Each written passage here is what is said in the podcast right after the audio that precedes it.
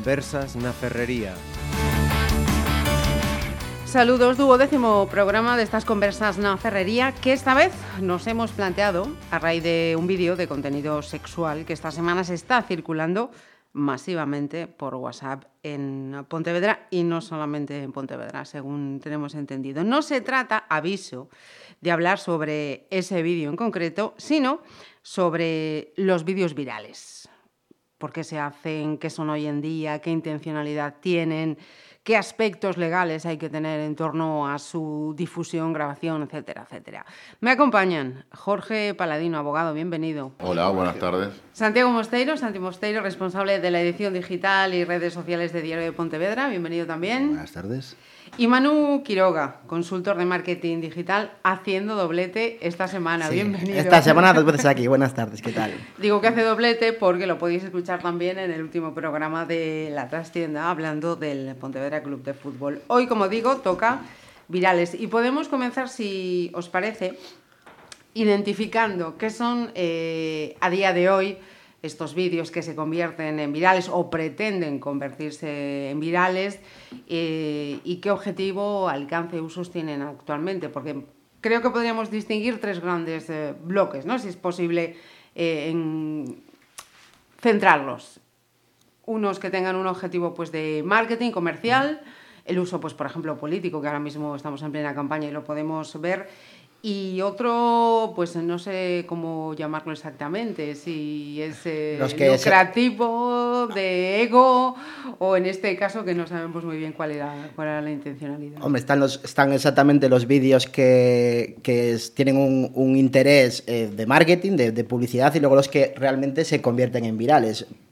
Un vídeo viral, yo cuando tu- el cliente te dice, no, yo quiero que hacer esto y que se convierta en viral, es cuando te echas las manos a la cabeza, porque realmente que algo se convierta en viral tiene, pues, no, no, no, no puedes venderlo, no puedes decir, voy a hacer que se convierta en viral, porque hay tantos factores y tantas, tantas, tan- tantas cosas que pueden convertirlo en viral o puede hacer que se dé la vuelta y que no sea viral, para que no, no, o sea, no se puede vender y no puedes nunca, nunca garantizarlo. El vídeo este que desgraciadamente se grabó, que, que dio pie a esta, a esta charla, se convierte viral tanto por el morbo como porque ya se, todo se comparte últimamente y tal, pero bueno, los ser un vídeo, yo sí que distin- distinguiría dos grandes grupos, los que se intenta que sean virales y los que se convierten en virales y que, como yo digo, dan la vuelta a internet, ¿no? Que de repente lo viste hace un año y que te vuelva a aparecer o en tu feed de, de Facebook o en tu WhatsApp o en tu Telegram o lo que sea. Lo que sí es cierto es que hay una serie de ingredientes y sobre todo vosotros dos, Santi y Manu, que, que trabajáis en redes sociales, en medios digitales, eh, que suelen ser ya un- casi una apuesta segura, ¿no? Cuando hay eh, violencia, cuando hay sexo, hay ciertos elementos que parece que ya están abocados Sí, a hay, hay temáticas que son una apuesta segura. porque, sucesos. eh, eso, y sobre todo cuanto más estrambótico, cuanto más inusual, cuanto más rompan un poco lo habitual, son los que tienen más ingredientes para convertirse en Que virales. te lo digan a ti con la bofetada de Rajoy, ¿no? Sí, ese, ese en cierto modo era casi previsible, ¿no? Al final se convirtió en viral tremendo porque coincidió, casualidad, que fue el único que estaba recogía ese momento. Pero yo creo que si hubiese cinco o seis grabando también al mismo tiempo, se hubieran convertido igualmente en virales. ¿Por qué? Porque es un hecho insólito, totalmente inusual y sobre todo eh, que nadie se lo esperaba. Entonces, ese es un elemento que influye para que algo sea viral, es decir, la demanda que la gente quiere ver, porque en este caso es una noticia. Pero después están estos que yo, pues como yo diría, que son fricadas, ¿no? Pues por ejemplo, pues el que hace, eh, pues eso, grabando a dos, teniendo sexo en un cajero. O el típico borracho que se cae por unas escaleras y se snafra. Es decir, todo lo que provoque un poco algo de fuera de lo normal. Sí, que provoque reacción en el que lo está viendo. Claro. El, el último, digamos, de humor blanco que fue, fue la, no sé si lo viste, la chica esta estadounidense que se compró una máscara de Chihuahua y se grabó después de comprarla en el coche y se empezó a partir de risa. Ella sola en la, pues ella acabó en el programa de Jimmy Fallon que se emite en Estados Unidos, acabó compartiendo un sketch con JJ Abrams, el director de la trilogía de Star Wars. O sea, realmente son vídeos que provocan una reacción digamos, igual el primero que fue viral en España, igual fue el, aquel Amo a Laura, que era una campaña de MTV, Sí. que no se sabía lo que era y aquello era, todo el mundo quedó en plan, ¿qué es esto? que me están, no están vendiendo nada realmente. Y, el- y vendieron todo, vendieron la marca hasta límites insospechados.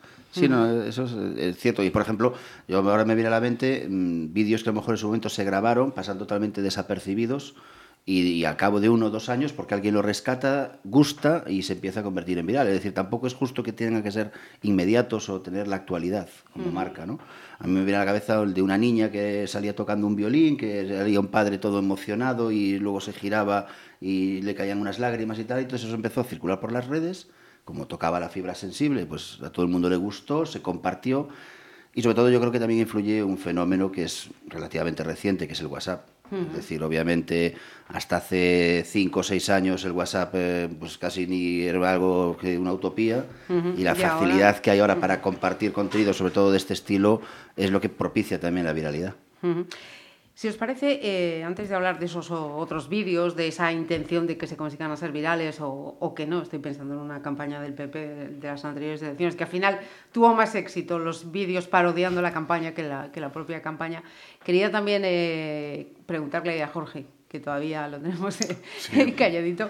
en esos vídeos, ¿no? que nosotros como particulares, ahora que todos andamos con el móvil, que todos grabamos todo, ¿Qué máximas hay que tener en cuenta para no meternos en terrenos pantanosos, es decir, para no cometer una ilegalidad? Hombre, en, primer lugar, yo creo que lo que hay que tener mucho cuidado en, en grabar imágenes de contenido sexual o, difundir esas imágenes. Yo creo que es la mayor limitación o imágenes donde haya un trato degradante desde el punto de vista religioso, racismo y todas esas cosas. Eso lo, yo dividiría los, los vídeos virales entre los legales y los ilegales.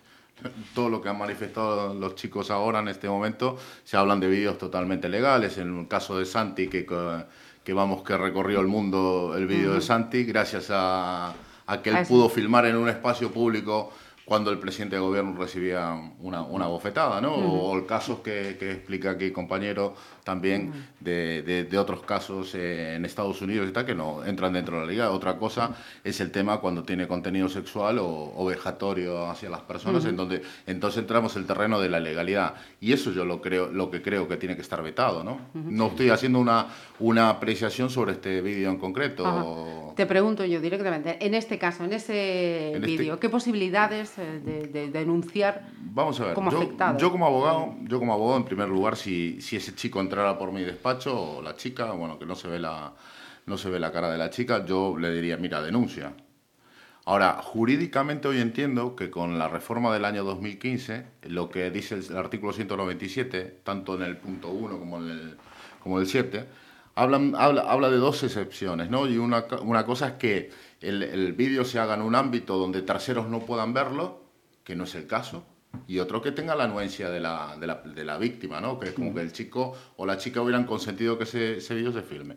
Y yo creo que en este caso no se dan esas, esas circunstancias, pero también es una norma que está vigente desde julio de 2015, lo cual todavía no hay, no hay sentencias en los tribunales firmes que digan si, si en, una, en un aspecto público el solo hecho de difundir ese vídeo, de compartirlo en WhatsApp, en Facebook o donde sea, constituye delito. No, yo entiendo que, como está redactado el tipo penal, en este momento no sería delito, pero también invito a la, a la, víctima, o sea, a los actores principales del vídeo, con, con, perdón de la expresión, a, que denuncien. A que denuncien y ver qué, cómo, cómo, qué, qué resulta de todo esto en los tribunales. Porque el hecho de que esté dentro de un cajero se, se, entiende como un espacio público privado? Yo entiendo que es un espacio público de acceso público, ¿no? Porque cualquier persona que tenga una tarjeta eh, de crédito de esa red en concreto puede entrar a ese cajero y si tiene, tiene los cristales transparentes, yo creo que es como es como montárselo con perdón en la barra de un bar. O sea, no pueden pretender, aunque estás en un espacio privado es un bar, tienes que, tienes que tener en cuenta que es un, espacio de uso público. Entonces yo ahí entiendo que es todo muy discutible, pero no, no se produce dentro de una casa. ¿no? no se produce dentro de la, de la, la, protección que pueda tener el domicilio. Por ese punto yo entiendo que este jurídicamente estaba muy discutible el tema. Sí.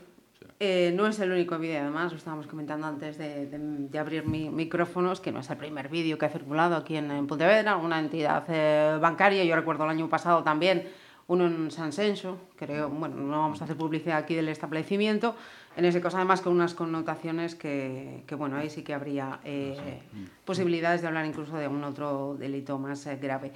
En caso de compartir, Jorge, distribuir esas eh, imágenes, ¿hay alguna diferencia a subirlo a una mensajería instantánea como es WhatsApp o a subirlo a una red social? ¿O ahí es igual? Yo, yo entiendo que la difusión es lo mismo. Mira, eh, yo tengo, no sé si el orgullo de, ser el primer abogado que lleva un tema de pornografía infantil eh, en Internet, creo que fue en el año 99, 2000, cuando todavía no estaba muy claro si era el delito de pornografía o corrupción de menores en Vigo, recuerdo, y desde entonces mucho se ha avanzado en tecnología y todo eso. Yo entiendo uh -huh. que el compartir, como cuando tú compartes un, un, un archivo P2P eh, o, o, utilizas el emule, estás compartiendo, estás distribuyendo, así como tú estás cogiendo información, se la estás dando a otro. Entonces eso ya tienen resuelto los tribunales que eso es como distribuir. Si a, a, aplicamos eso analógicamente a este hecho, yo entiendo que, que sí es lo mismo ponerlo en Facebook que compartir a través de WhatsApp. Uh -huh.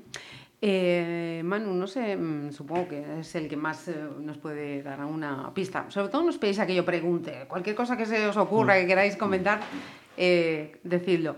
Eh, hay empresas, eh, si no me equivoco, que se dedican constantemente a estar rastreando las redes, ¿no? Para buscar esos vídeos, ver cuál puede tener esa chispa que pueda hacer que se convierta en viral, que contactan con la persona que ha podido grabar ese vídeo, le ofrecen un dinero y se hace...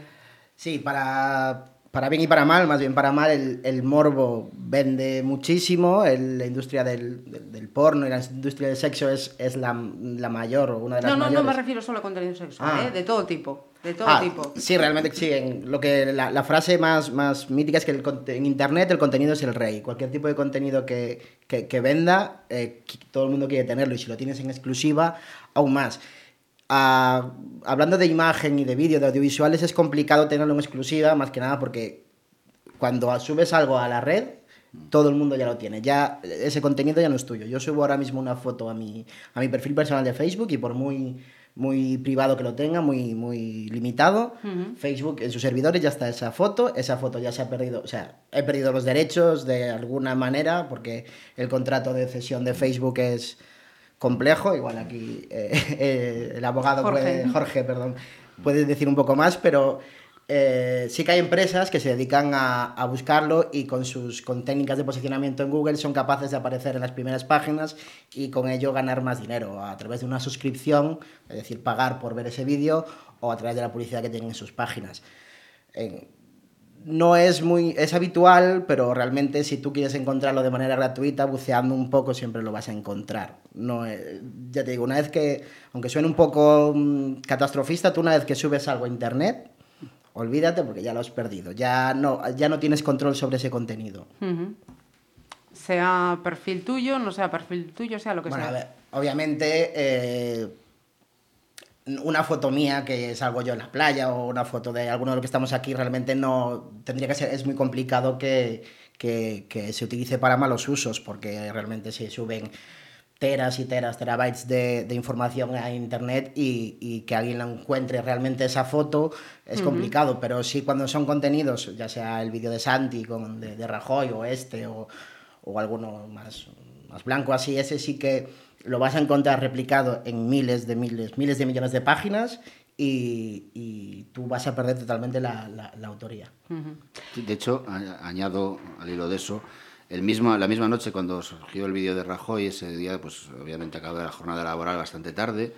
Y ese día, por curiosidad, entré en internet y en YouTube para ver un poco cómo estaba. No acabaste muy contento, ¿no? Y no, bueno, eh, pues yo creo que yo me quedé en la cifra de 200 y pico vídeos desde que se. Eso fue a las seis y media cuando se ocurrió el suceso.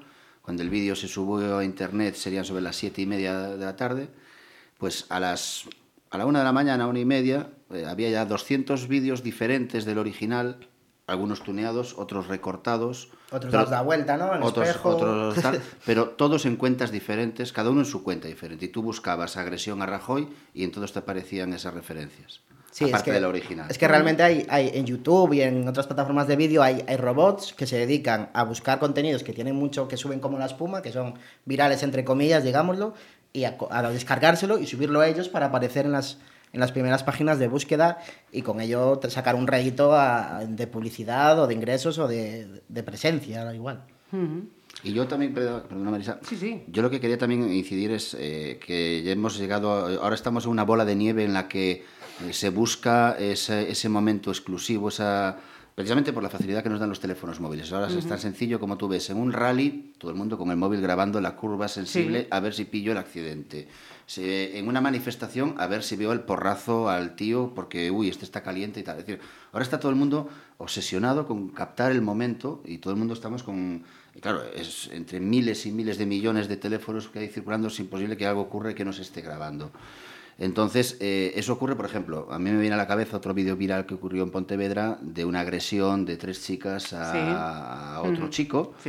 Que ese vídeo eh, pues incluso conllevó una denuncia y yo no sé muy bien en qué quedó, pero algún medio que lo difundió, las afectadas que salían en ese vídeo lo denunciaron, entre otras cosas porque eran menores y porque atentaban contra su honorabilidad, contra su honor, perdón, y bueno, porque digo que también es un vídeo que eh, había alguien, o sea, una pelea callejera, alguien está en ese momento, lo graba, lo difunde, lo comparte y de repente pues eso es una explosión total en la que eh, se comparte por 20.000 redes.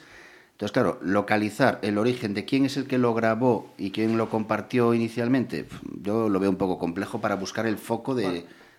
la, policía tiene, tiene métodos... Perdona, perdona Santi y, Manu. Eh, hay dos hoy que me, llamaron mucho la atención. Uno es la chica que está en la discoteca de Orlando, donde se produce la matanza de estos días. La chavala eh, se está filmando así y se ve cuando se ve que se cae para atrás como recibe un tiro. Esa chica murió y se ve está filmando su propia muerte, lo cual eso es bastante, vamos, Claro, al, nivel que llega la obsesión por decir otro, quiero tener... Otro que me llamó mucho la atención fue el de la... De la pareja de policías de París, dices. No, no, el que, me ah. llamó, el que me llamó la atención en, Francia fue el de la el de las barras bravas rusas que, se pelearon con los ingleses o con los ah, Que llevaba la GoPro y que llevaban una GoPro y bueno, y después filmaron, hoy salió como filmaban a los hinchas ingleses tirándole monedas a, los, a niños mendigos en, en, en Leeds, creo que era en Francia, era, le estaban tirando monedas los ingleses como hicieron en la plaza. sí, hicieron en Madrid En la Plaza Mayor de Madrid, ¿no? Que, entonces eh, hay cosas que sí, se ven cosas que a veces a uno le ponen la, la, carne de gallina, como se dice.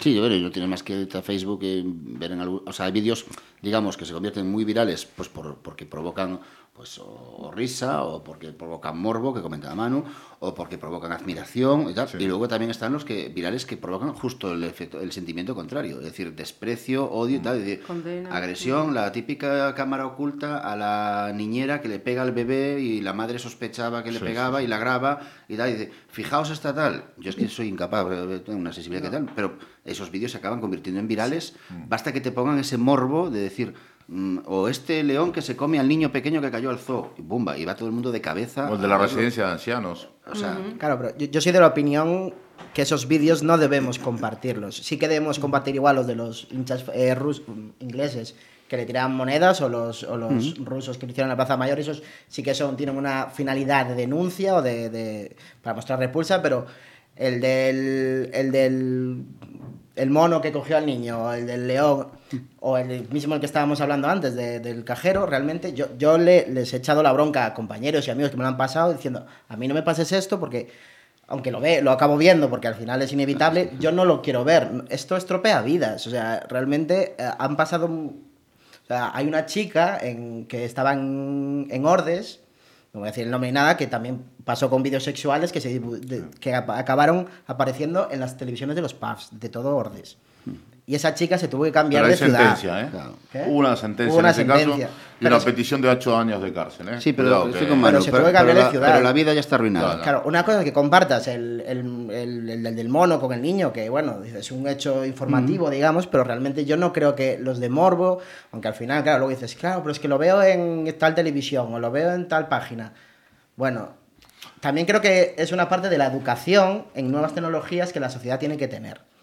Que yo creo, que, se irá dando con por inherencia del ser humano, eso de, evitar el, morbo. yo espero sinceramente, y hago yo, bueno, apología no, pero bueno, intento que la gente acabe educándose y entendiendo que imagínate que, no sé, imagínate que fuera tu hija la que estaba en el cajero, o imagínate que es tu hija la, de, la del atentado de... Mm De Orlando, sí. De Orlando. Eh, el, tema, el tema de la, bueno, el tema de Orlando, yo creo que es un medio de comunicación que lo pone, que bueno, que, pone, que, pone el vídeo. Sí, pues que... Lo cual yo, yo hasta ahí creo que el derecho a informar tiene cuidado, ¿eh? Yo creo que, que ese derecho tiene que, no tiene que ser vulnerado. Creo que hay... Eh, es una desgracia. Para mí hay barreras, debería haber barreras, al menos Es algo como lo que le tocó vivir a Santi. Cualquier periodista o cualquier fotógrafo quiere vivir lo que vivió Santi. ¿Me entiendes? Entonces yo creo que cuidado con eso. Yo creo que aquí lo que tomó conciencia el Parlamento español fue cuando el caso famoso de Olvido Hormigos, ¿eh? que yo creo que fue, eso fue cuando se, se, planteó la sociedad un debate, ¿no? Y, claro, en estos casos, eh, donde hay una relación de pareja o hay una relación, sea formal o informal, eh, donde en una comunicación por Skype y tal, y la otra parte lo usa sin su consentimiento y lo publica, entonces si ahí no cabe duda que hay delito. Casos que me cuentas tú, donde hay un niño, los niños yo creo que debe protegerse la identidad de los niños, tapar la cara para que no se vea quién es el niño ni nada. Hay, hay aspectos legales que se pueden controlar. Ahora, ¿cómo tú controlas el mundo de Internet que es supranacional? Yo, obviamente, yo no lo, controlo ni pretendo, ni pretendo, controlar ni a, los, ni a Internet ni a los medios, ni mucho menos. Válgame. La persecución es muy complicada. Claro, pero. El tema de los delitos es lo que digo, que Son, lo que tenemos ahora mismo son nuevas tecnologías y toda tecnología o todo que aparece requiere una educación por parte de la sociedad. Y creo o espero que poco a poco vayamos entendiendo que tú, si tú recibes el vídeo del vídeo famoso del cajero, no lo compartas con todos tus grupos de WhatsApp, porque entiendes que eso es algo que no se debe compartir porque no interesa a nadie. ¿A quién le interesa ver lo que estaban haciendo esos dos? ¿O a quién le interesa...? Pues es evidente que en ese momento... Pues yo, disculpame que, discrepe contigo, Manu, pero yo, creo, que, todo el mundo está interesado en ver ese vídeo. Sí, pero yo creo que no debería interesar. no podemos ser hipócritas. O deberíamos... No debemos ser hipócritas. No, y lo digo yo que soy abogado y que soy responsable de lo que digo, pero... Igual deberíamos pensar que nos podría pasar a nosotros, igual no eso, pero otras cosas. Y cómo reaccionaríamos. la, la, famosa Pero vamos a ver una cosa, si nadie pone en duda de que esto fue una, perdonen la expresión, una putada. Claro, claro. Está claro. Está claro. Pero bueno, eh, ¿qué va a ser? Sí, pero el morbo y yo creo que es inherente al ser humano. El que diga lo contrario. El ver, el. Yo estoy de acuerdo con Manu en un matiz que dijo antes y, y es cierto, que nos falta educación en todo esto que está ocurriendo porque eh, va a un ritmo mucho más rápido que nuestra capacidad de asimilarlo. Es decir, eh, todos estos fenómenos digitales, la capacidad que hay de comunicación, la vertiginosidad que hay de, mm, a la hora de enviar algo que ha ocurrido, adelanta los propios medios de información. Entonces, eh, nos falta todavía eh, educación para saber asimilar, saber filtrar qué, mm. debemos, qué podemos compartir, qué es correcto, qué no es correcto.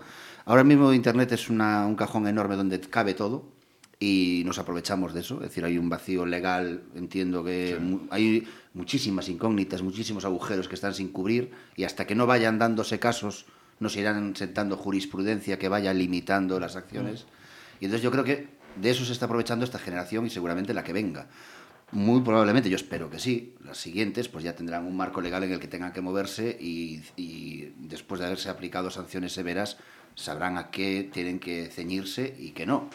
Por ejemplo, yo entiendo que, obviamente, claro, que es una putada que te graben pues un día de borrachera haciendo el amor en un cajero. Te podrán decir, oye, nadie te mandó ponerte ahí, pero claro, también te podrán decir, oye, pero yo tampoco te pedí que me grabases.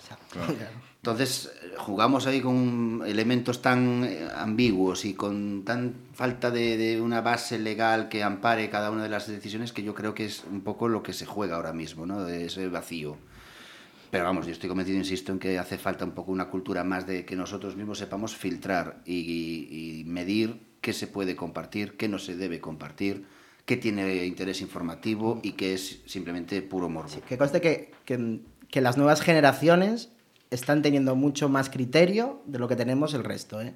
Eh, ya sea por la formación que están dando tanto la policía como la Guardia Civil, que van a los colegios a enseñarles, oye, que Internet esto no es una coña, que pueden pasar muchas cosas, pero yo, yo que he trabajado con niños saben perfectamente que tienen que tener su Instagram cerrado, que no pueden enviarle fotos a cualquiera. Ahora están emocionadísimos con Snapchat porque no sabéis que la foto caduca, es decir, solo la puedes ver una vez y si alguien te hace una captura te, das cuenta y lo puedes bloquear o lo que sea. Que luego hay mil maneras de conseguirla también, pero bueno, ya eso es otra historia. Entonces, yo tengo un halo de esperanza de que las nuevas generaciones sí que están muy, muy enteradas y que seguramente con el paso de los años seguirán estando más enteradas y que esto se, se normalizará o nos acostumbraremos a hacerlas de otra manera. No sé en cuántos años. Realmente esto cada vez va a aparecer más y más y ahora la radio virtual ya no te digo a ver qué saldrá porque seguramente alguien escogerá encontrar un camino de hacer algo morboso o maligno, entonces no sé, no sé cuánto tardaremos, pero yo creo, yo espero que nos vayamos educando y que las cosas no sean como están siendo ahora. Sí, también son una generación que, que, ya nacen con eso, ¿no? A nosotros nos ha pillado ya con unos años sin aprender y vamos casi a marchas forzadas. Bueno, yo tengo 30, 30 años y ya me decían que, que yo ya estaba ya nacido con el ordenador y sí, nací, pero al final los nativos digitales es una palabra que gusta mucho, pero al final es depende quién. Hay algunos que sí que se comunican mucho, pero no, no son todos. Porque los propios gestores de, de este tipo de, de, redes, por ejemplo, comentabas antes que YouTube ya todo lo que sea contenido sexual ya lo echa para atrás, ¿no? Y entonces... Sí, tienen algoritmos que consiguen, o sea, ya automáticamente si encuentran una parte desnuda o algo así en Instagram, por ejemplo, ya no puedes subir nada desnudos, o sea, realmente la gente que sube desnudos artísticos así, tiene que tapar igual el pezón con una cara, un smiley, un emoji o así, pero tienen ya algoritmos que, que, detectan que no, que no pueda subir ese tipo de contenido. Uh -huh. y, y, otra cosa también quería preguntaros, o sea, todo lo que nos digan nos lo creemos, y quería con esto entrar en el mundo de los fakes. Yo es que a veces a mí mismo me genera incluso dudas, y eso que algo entiendo de, y sé de un poco distinguir de lo que es un montaje y lo que no pero es que ahora mismo la tecnología avanza de una forma tan bestial y está tan bien hecho todo mm. que es que hay situaciones que te generan la duda y te dices, bueno, esto es posible. O sea, empezamos, no sé si os acordáis, con aquello que era un anuncio, creo que era de Energy o de Powerade, un tío que mandaba una canasta desde un edificio a otro y entraba a la canasta, mm. o uno que mm. mandaba un balón de rugby y eso era, al principio todo el mundo decía, ostras, qué bueno es este tío. Y digo, hombre, no, que hombre, que es un montaje, ¿eh? Claro. Sí, al principio todo el mundo... Está grabado con una toma, no Claro, puede, claro, no, claro. Sí. Pero es que eh, de eso, que empiezas a decir, bueno, no debe ser verdad. Ahora mismo hay ya situaciones, no sé si acordáis, ese vídeo que hay también circuló muchísimo, de un tío que era una calle de Nueva York o algo así, pasaba y de repente un taxi lo atropellaba y lo zapateaba. O sea, era como un paso de cebra y, y un tío como que iba uno leyendo el periódico y lo atropellaba era un fake también, obviamente, pero todo el mundo alarmadísimo. Uh -huh. Entonces, lo que querían era concienciar de que tú cuando cruzas no puedes ir despistado porque si no te puede pasar eso.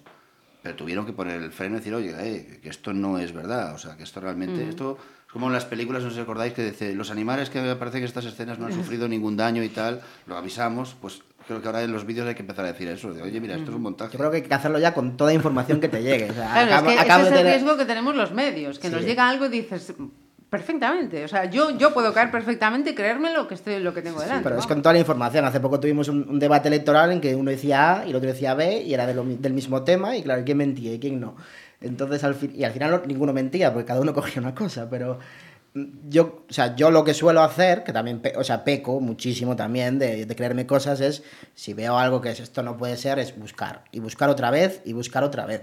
Porque realmente sí que se te, te, cuelan todas y más. Hombre, un medio yo creo que será aún más complicado y más difícil y, lo, y las, las, que os trae, traeréis para, para comprobar algunas cosas. Pues mira, yo me recuerdo ahora lo que comentaba Marisa, eh, porque fue un tema y ahí ya jugamos con la manipulación, porque ya no es la broma, es la manipulación.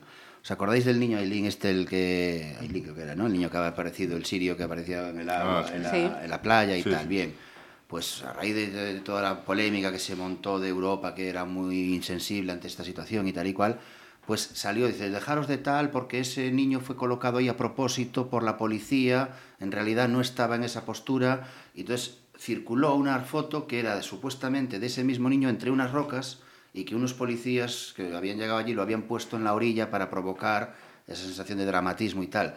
Luego al final se demostró que esa foto estaba trucada, porque le habían puesto las zapatillas, tenían el color de la foto del niño, pero en realidad era un Photoshop. Es decir, era otro niño, otro bebé, y entonces ya circulaban, era como contraprogramándose, ¿no? Es decir, uno colgaba en Facebook, mm, qué insensibles somos, otro tiraba de esa falsa noticia, de esa falsa foto, fijaos que esto es un montaje, otro que decía, no, no, es que es un montaje, tu montaje.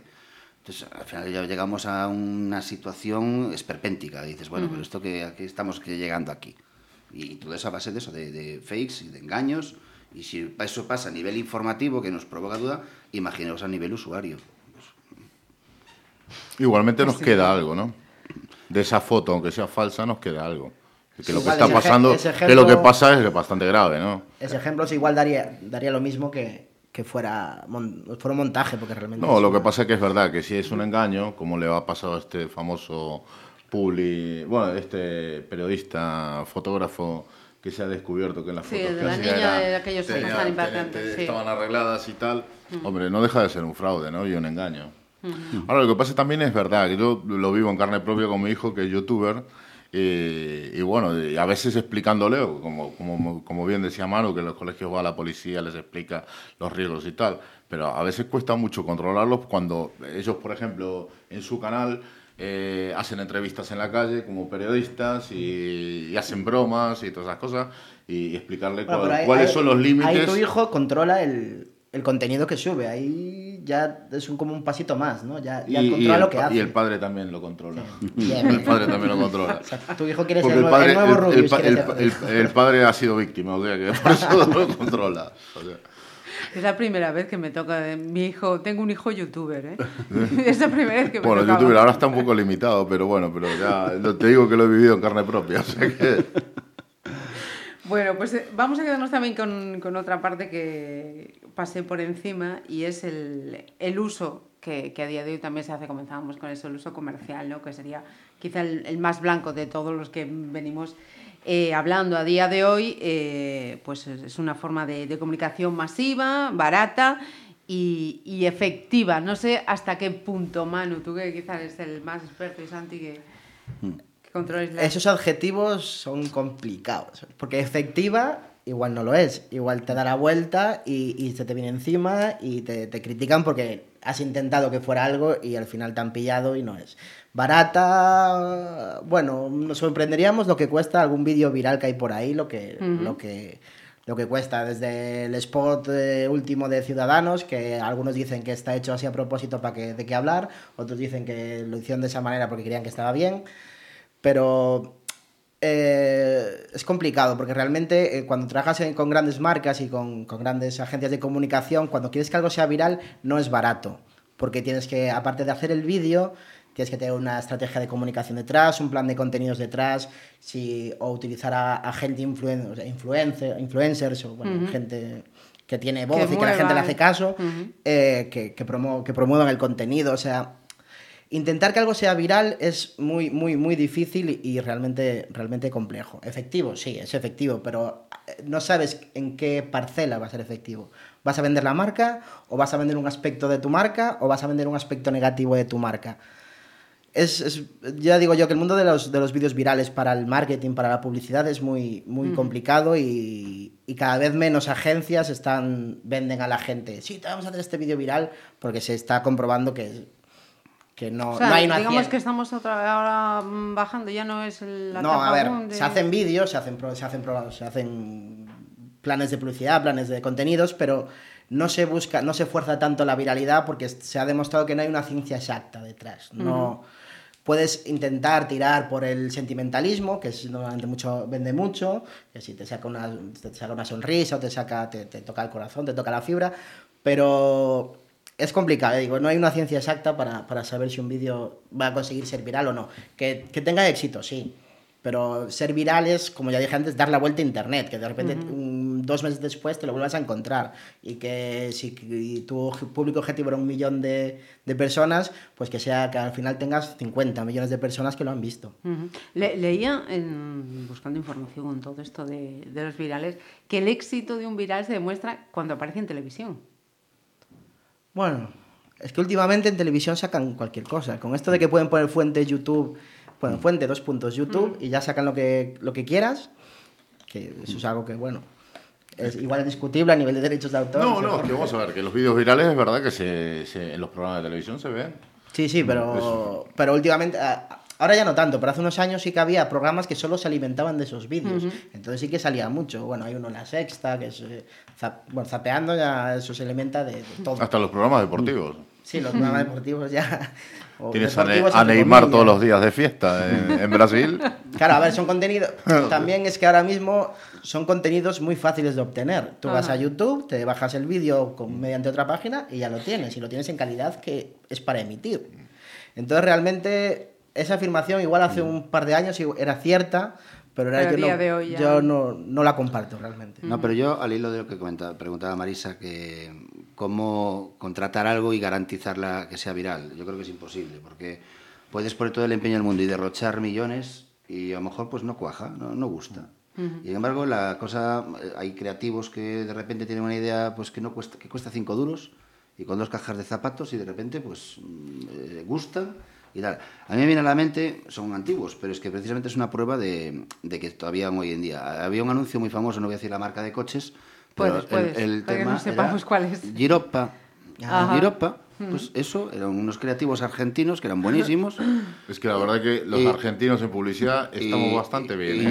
yo, y yo decía, no Yo es porque estés yo delante, pero yo yo me puedo acuerdo que recomendar. el Giropa ese, todo el mundo estaba hablando de qué coño es el Giropa, hasta que tiempo después eh, era un anuncio de un coche, pero el tipo que estaba riendo al lado de una carretera, y, Giropa, pues eso era lo que daba a hablar. Otro, me, me suena una marca de cerveza, WhatsApp, WhatsApp, WhatsApp, WhatsApp, WhatsApp, y todo el mundo andaba, WhatsApp. De hecho, hoy en día hay algunos que tienen el tono del WhatsApp por el WhatsApp.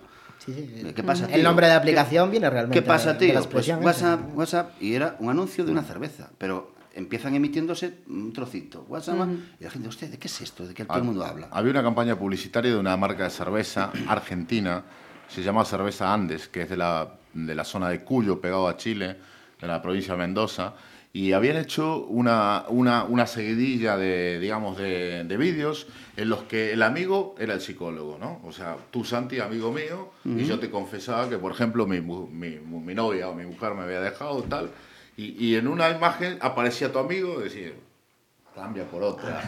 Y eh, por otro lado aparecía el psicólogo, bueno, usted tiene que vivir un proceso de duelo, tiene que recuperarse, y también digo, olvídala, nos vamos de marcha. Era, era algo que fue un boom en Argentina, y eso yo ya vivía aquí en España, pero la verdad que es verdad que los, los creativos argentinos son muy buenos, y, y no, bueno, no digo que sean los mejores, ni mucho menos, ¿no? Pero, pero la, pero la siempre- publicidad, siempre- sí, la publicidad utilizando el sentido del humor y el sentimentalismo, No, pero corre, que, vamos, tiene Yo el ejemplo posibilidades. que ponía de ese coche es que el anuncio en sí no, era Claro. nada, no tenía ni coste enorme. Era un tío al lado de una carretera más o menos desierta, el tío estaba barriendo, se escucha... "Wow", y en el momento en el que pasa se escucha... "Giropa", Y el tío... "Giropa". Y ese era el, ese era el mensaje. O sea, y al cabo de mm, 15 días después descubren que los que van en el coche van escuchando la canción y tal, y transmite la alegría de ir dentro del coche, pero obviamente ya es el mensaje ya publicitario. Recuerdo otro que se llamaba Teletransporter. Era una máquina que la metían en una discoteca y la máquina tenía eh, diferentes sonidos de hospital o en el baño o estoy en la ducha, ¿no?